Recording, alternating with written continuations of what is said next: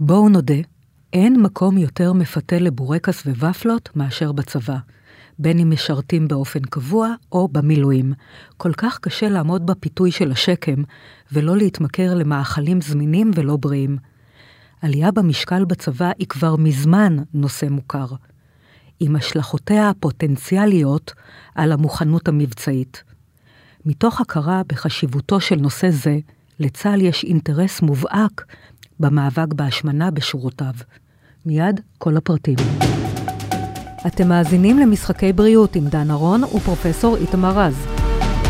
כולם יודעים שבבריאות לא משחקים, אבל יש כאלה שכן. האם ידעתם שכ-70% מהחיילים והחיילות חווים עלייה במשקל במהלך השירות הצבאי? מהגורמים התרבותיים והסביבתיים התורמים לעלייה במשקל בצבא, ועד בחינת היוזמות של צה"ל ויעילותן. קדימה, מתחילים. אתם מאזינים ל-ynet פודקאסטים. שלום פרופסור איתמר רז. שלום דנה. תקשיב, אני הייתי אה, בהלם מהנתון הבא, 70% מהחיילות והחיילים עולים במשקל במהלך שירותם הצבאי. עכשיו, כולם יודעים שעולים במשקל עם השקם בצבא, אבל 70 אחוז? הפודקאסט נעשה באופן בלתי תלוי וללא השפעה על התכנים כשירות לציבור על ידי חברת נובו נורדיסק. זה נשמע נתון מדהים. פסיכי לגמרי. מכאיב. נכון, נכון. השאלה, מה זה אומר אה, עלייה במשקל? האם אה, עולים שני קילו אז so what? או אה, זה עלייה במשקל באופן כזה שזה מכניס ל... אתה הופך להיות תחת סיכון בריאותי. נכון, זו השאלה. נכון. תראי, אני יכול להגיד לך מניסיוני, שהמשפחתי, ואני לא רוצה להיכנס לעומק, שאחת הבעיות של החיילים, שבהרבה מקומות הם לא אוהבים את המזון שהם מקבלים. או, ואז הם מתחילים לאכול uh, את, כל, את כל מה שלא בריא, את נכון. כל מה נכון. שלא טוב, את כל מה שמשמין. והשאלה, איך עושים שינוי? נכון, אז לשם זה אה, יושב איתנו אורח מכובד. שלום לך, פרופסור אבי מויאל. תודה שבאת אלינו. טוב. Uh, אתה ראש התמחות ספורט בקריה האקדמית אונו. נכון. נכון. טוב, אז בוא תן לנו קצת, נתחיל עם נתונים, נתונים יבשים. תראי, לפני שאני אגיד את הנתונים, mm-hmm. אני לפחות אוכל לומר על מה אני מסתמך. שירתתי בצה"ל 40 שנה. בתפקיד האחרון שלי הייתי ראש מחלקת כושר קרבי של צה"ל, מי שתפקידו להיות מופקד על כל נושא הכושר הגופני וההשמנה או אי השמנה של אנשי הקבע, וכמובן גם נגיעה בתזונה, והעבודה שלי הייתה יחד עם חיל הרפואה. כך שהראייה שלי היא ראייה של הרבה מאוד שנים בתחום הזה, של העשייה, אחד, שטח, שתיים, והיכרות עם כל העולם של החיילים. רגע, אני רוצה להוסיף. אתה גם הרצת את הרמטכ"לים ואת האלופים ו- ולא מעט אנשים, אתה לא. בעצם בנית את ה... את ה... נכון, איתמר, תן, תן שמות, אני, אני, אני רק, ישר לשמות. אני אומר רק לפני כן, כדי כן. שנוכל להתחבר, הייתי שש שנים ראש מחלקת כושר קרבי, לפני כן הייתי עשרים שנה בסיירת מטכ"ל. לפני כן הייתי ארבע שנים ביחידת שלדג, והתחלתי בסיירת גולני. אתה יודע, עכשיו שאני ש... מתבוננת עליך, רואים שאתה אה, בן אדם אתלט. רואים אני, את זה. אני חי כן, את זה. חי לא את זה. מה זה אתלט. היום זה אתה. עדיין בכושר... בוא אה, נסתכל כן. כמה צעדים עשיתי הבוקר כבר, אז mm-hmm. עשיתי כבר 14,000, זאת וואי. אומרת... כמה צעדים צריך לעשות?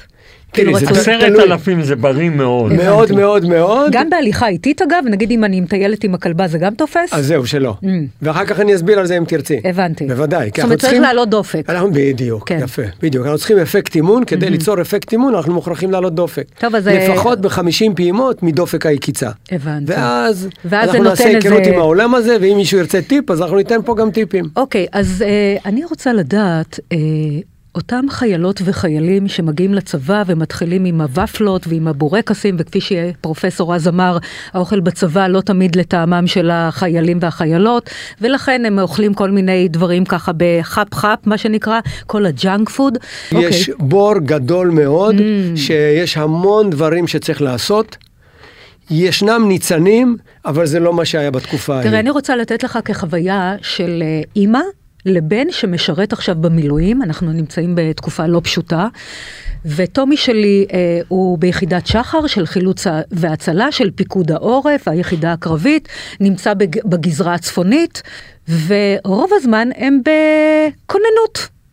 אז מה עושים בכוננות? קודם כל מאוד מפנקים אותם תושבי הצפון ומביאים להם עוגות ומאכלים וסירים ושניצלים וצ'יפס וזה. הבן שלי הגיע לבקר, לא הכרתי אותו. אני, אני, סליחה טומי, אבל פתאום מבחור ממוצע, הילד אה, השמין. זאת אחת הילד הבעיות. הילד הוא בן 33, ז... כי מה הם עושים? יושבים בחברותה ותוקעים. בדיוק. זאת אחת הבעיות המרכזיות mm-hmm. שהיו לנו גם בקורונה. וגם עכשיו שרופצים ורק אוכלים, וכשאין מה שנקרא בחינוך, בתרבות, לצאת בבוקר לאימון גופני ולשפר את כל נושא המזון, אז יש דבר אחד, עולים במשקל. ברור. עולים במשקל ואחר כך משלמים את המחיר. לא נכון? מפעילים אותם? לא מפעילים אותם. אולי. מפעילים... כשאני הייתי בצבא, אחד הדברים הקלאסיים היה שמפעילים אותי בכל תנאי, בין שאני... אה, אה, אני הייתי מפקד על חיילים בצפון.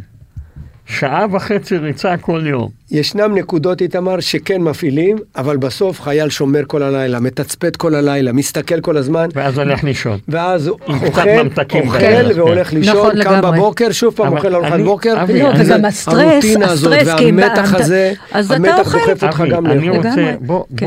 בוא נפרוס את הנושא קצת יותר. בוא נפרוס את הנושא. הבעיה היא השמנה. זה אין ספק. אני איתך לגמרי. עכשיו אנחנו רואים כמה דברים. קודם כל אנחנו רואים שכבר בגיל 6 ההשמנה הולכת ועולה במדינת ישראל. נכון מאוד. אנחנו רואים שאלה שבגיל 6 יהיו בעלי עודף משקל, 90% מהם בגיל 17 בגיוס לצבא יהיו שמנים.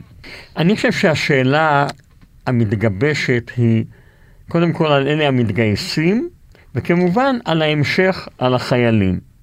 ואלה שמתגייסים, האחוז המתגייסים השמנים הולך ועולה, ואלה אנשים שמראש כל התרבות ההתנהגות שלהם כנראה לא קשורה לפעילות גופנית, כנראה קשורה לאכילה לא נכונה, ואיך עושים שינוי כשאיש כזה נכנס לתוך הצבא. תראו, אני אתן לכם טיפ שעד היום הוא לא נשמע.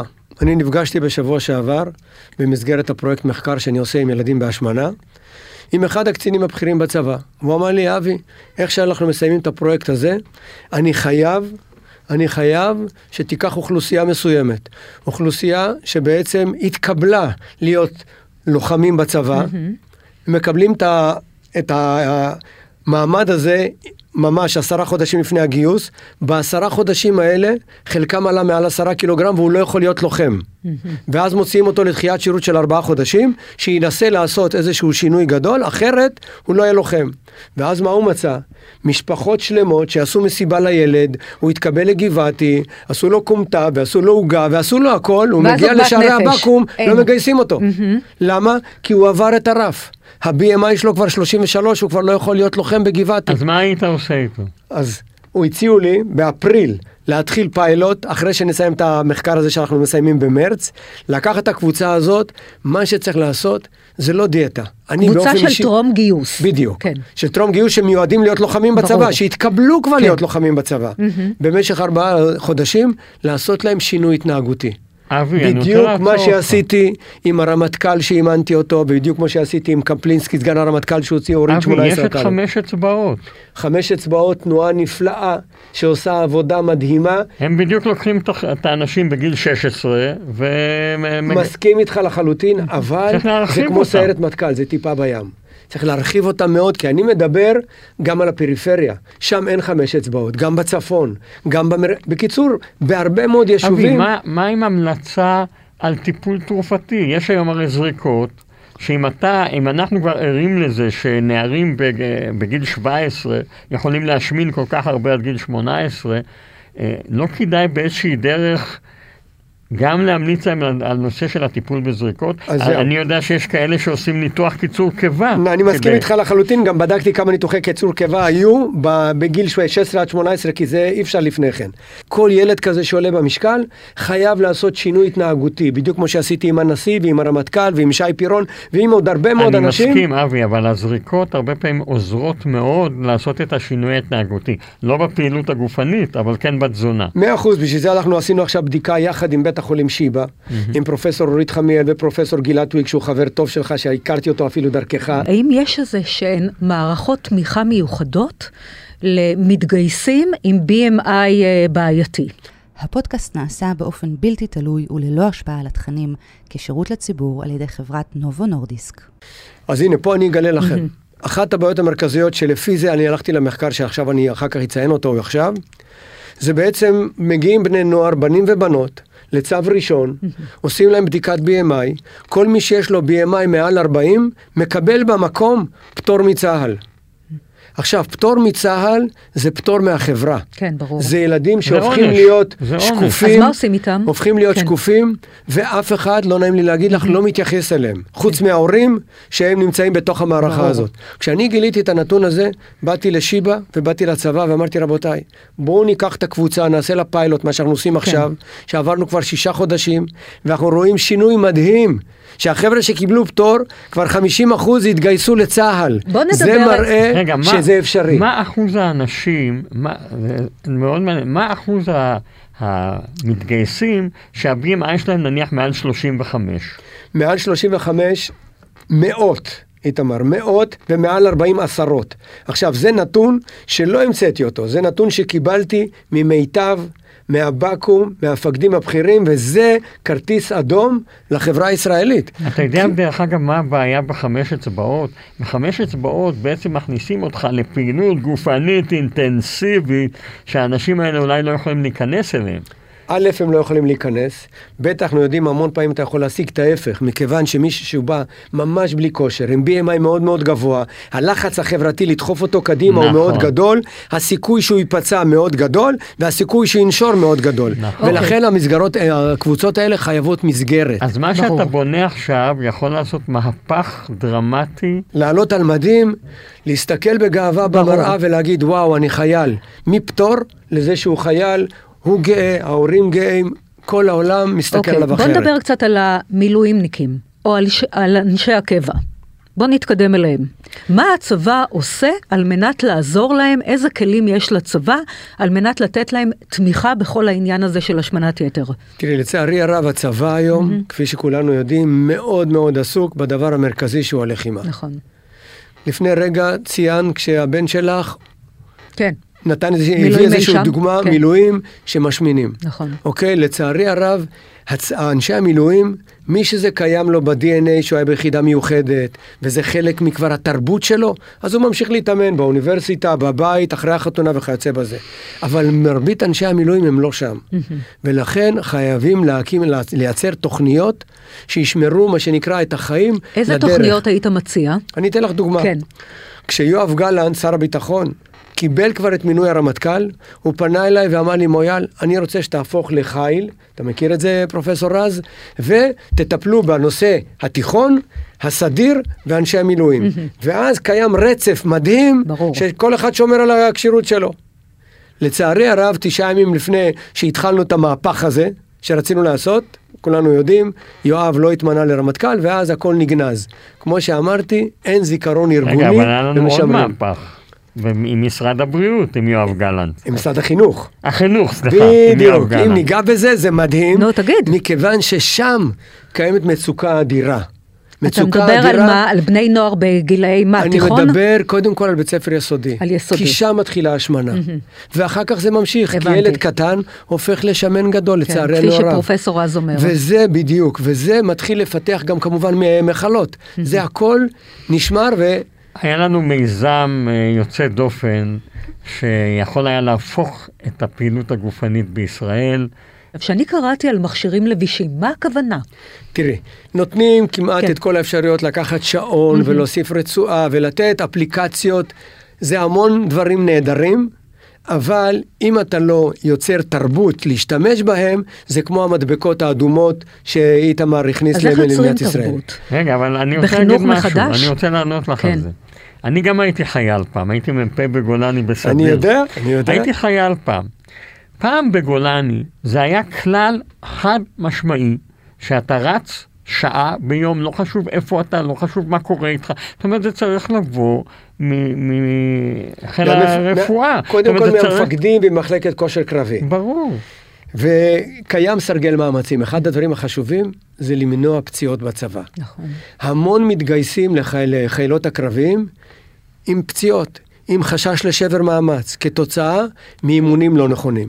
ולכן כשיש מסגרת כמו חמש אצבעות, שהיא עובדת בצורה יוצאת מן הכלל, שהמוביל שלה יורם מנחם מהשייטת, שהוא מכיר מה זה סרגל מאמצים, והוא מלווה את כל התהליך עם כל המדריכים שלו, אחוז הוא הפציעות... מלווה בתהליך, סליחה, אני פשוט לא מכירה את הארגון הזה, טרום צבא או בצבא? טרום צבא. טרום צבא, והיתרון אוקיי. הגדול שהוא שומר קשר עם הבוגרים שלו. והם באים לאימונים אחר כך כשהם יוצאים לאפטר. אבל אתם מדברים על חיילים קרביים, כפי שאתה היית פרופסור אז, ואני מניחה שלהם יש מודעות הרבה יותר גדולה וחשיבות מאוד גדולה אחרי זה בלחימה ובכושר שלהם. אני רוצה לדבר דווקא על החיילים הג'ובניקים, החיילות הג'ובניקיות. זו שאלה מצוינת. אפילו, אפילו אלו שנמצאים, שמלווים את החיילים הקרביים. הרי מה על כל קורה חייל איתם? קרבי יש שני מלווים. נכון. או שלושה אוקיי. מלווים. נו, נכון. אז מה קורה איתם? אחת הבעיות המרכזיות, וזאת שאלה כן. מצוינת, כי אין לה מענה היום בתוך הצבא. נכון. אין לה מענה בתוך הצבא, וצריך לקרוא, לה, להקריא, לקרוא לילד בשמו. בסוף זה שם. מה שצריך ליצור, זה ליצור מסגרות שיקחו את החבר'ה האלה, נכון. וייצרו תרבות. כל הזמן אני מדבר רק על שינוי התנהגותי. מסגרות כי- בתוך הצבא? בוודאי, בוודאי, ביחידה, לקחת מישהו, למשל, מפקד הפלוגה של כל אלה שנותנים את השירות. תומכי כן? לחימה, עושים להם שיעורים. הוא צריך לה פעם ביום להריץ אותם. בוא נדבר על הקריה. אז זאת, שם יש בעיה. שיש לי אה, בופה שלם של רק אה, שומן טראנס, שזה בורקסים וופלות וכל אני מיני דרקס. מסכים איתך לחלוטין, וזה יכול. לבוא כן. רק בהחלטה של מלמעלה. אז נכון. אם מלמעלה, כמו שמישל אובמה בזמנו הוציאה בארצות הברית מהמזנון בבית הספר, מהצבא ומבתי הספר התיכוניים. כן. כי היא הייתה המובילה בנושא של אורח חיים בריא. בדיוק. אני יכול להגיד לך, הלוואי והייתה לנו מישל אובמה כזאת. אוקיי. הלוואי, אבל אבל רגע, מישל אובמה אתם, הייתה נשיאה, כמובילים בתחום, הייתה למה לא עושים את זה? האישה מספר אחד, כן. ולכן היא יכולה להרשות לעצמה, כאשת הנשיא, כן. לעשות שינויים שהיא לקחה דבר מרכזי בנושא אורח חיים בריא, אבל רגע, אבי, אני ושינתה את רוצה הצבא. האמריקאי. פרופסור מויאל, אבי, אני כן. רוצה לעצור אותך. אני חושב שאתה מישל אובמה. עכשיו, הגבר, לא האישה, שלא. תתבלבל.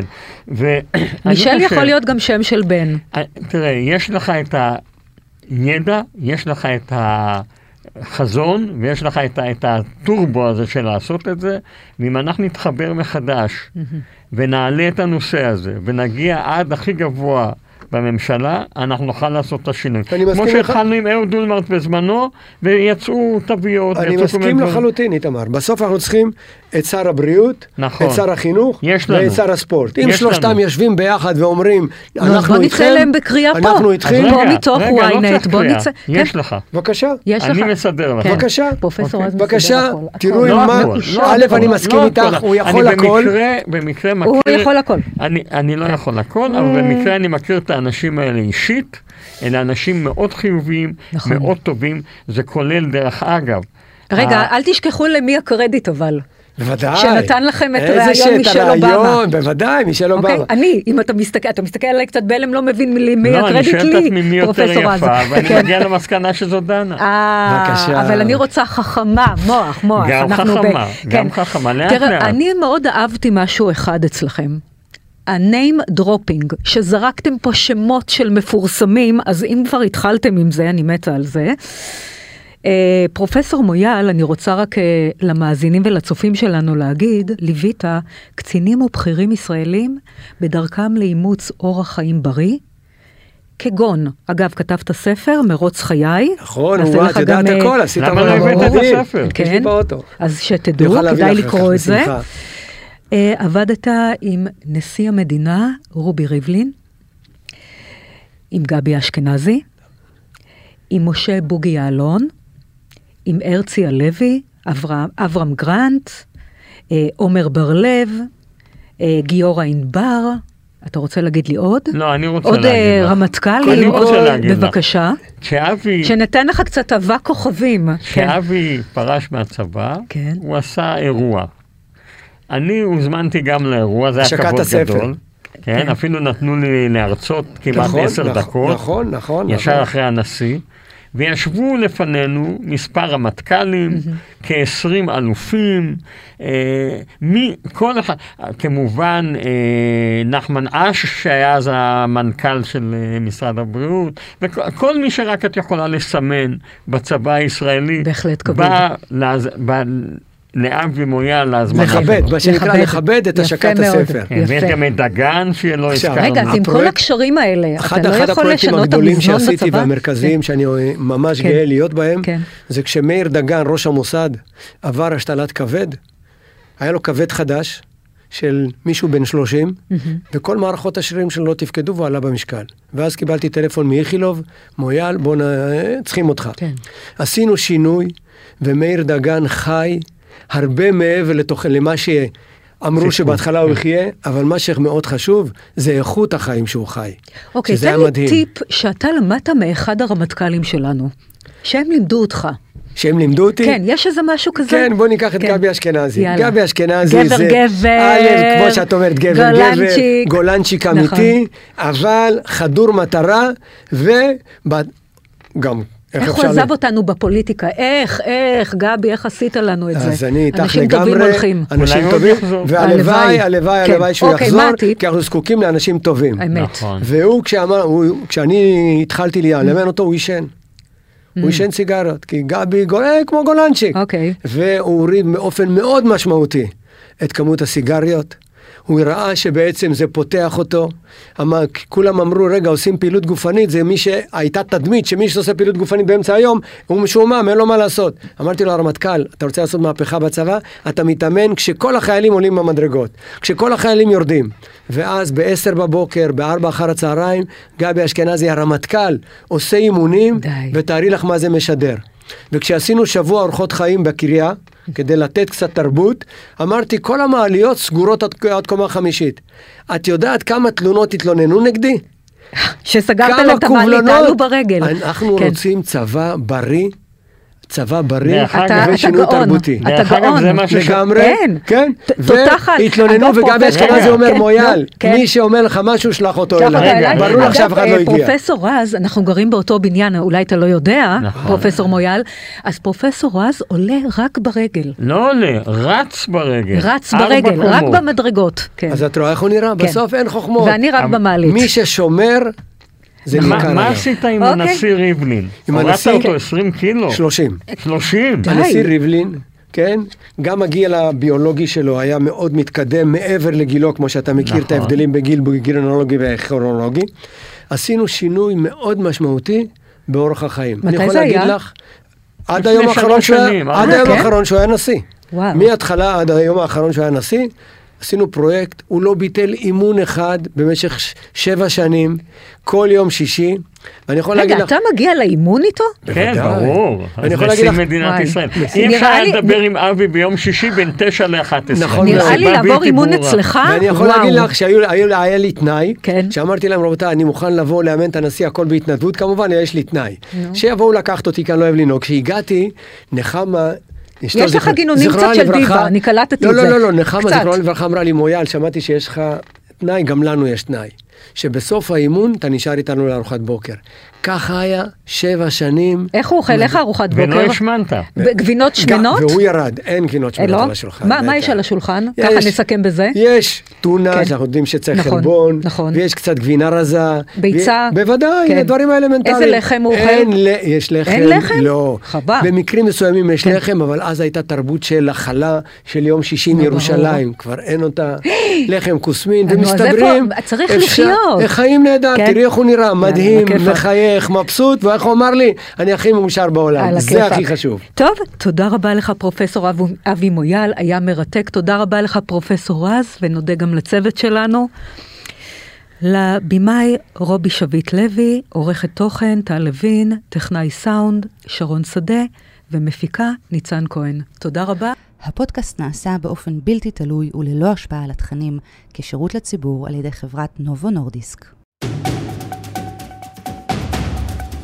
תודה שהאזנתם למשחקי בריאות. מדי שבוע מחכים לכם שלושה פרקים חדשים בוויינט, ואתם מוזמנים ומוזמנות לעקוב אחרינו, לקבל התראות לפני כולם, בספוטיפיי, באפל ובכל אפליקציות הפודקאסטים. ואם אתם כבר שם, נשמח אם גם תדרגו אותנו. נתראה בפודקאסט הבא.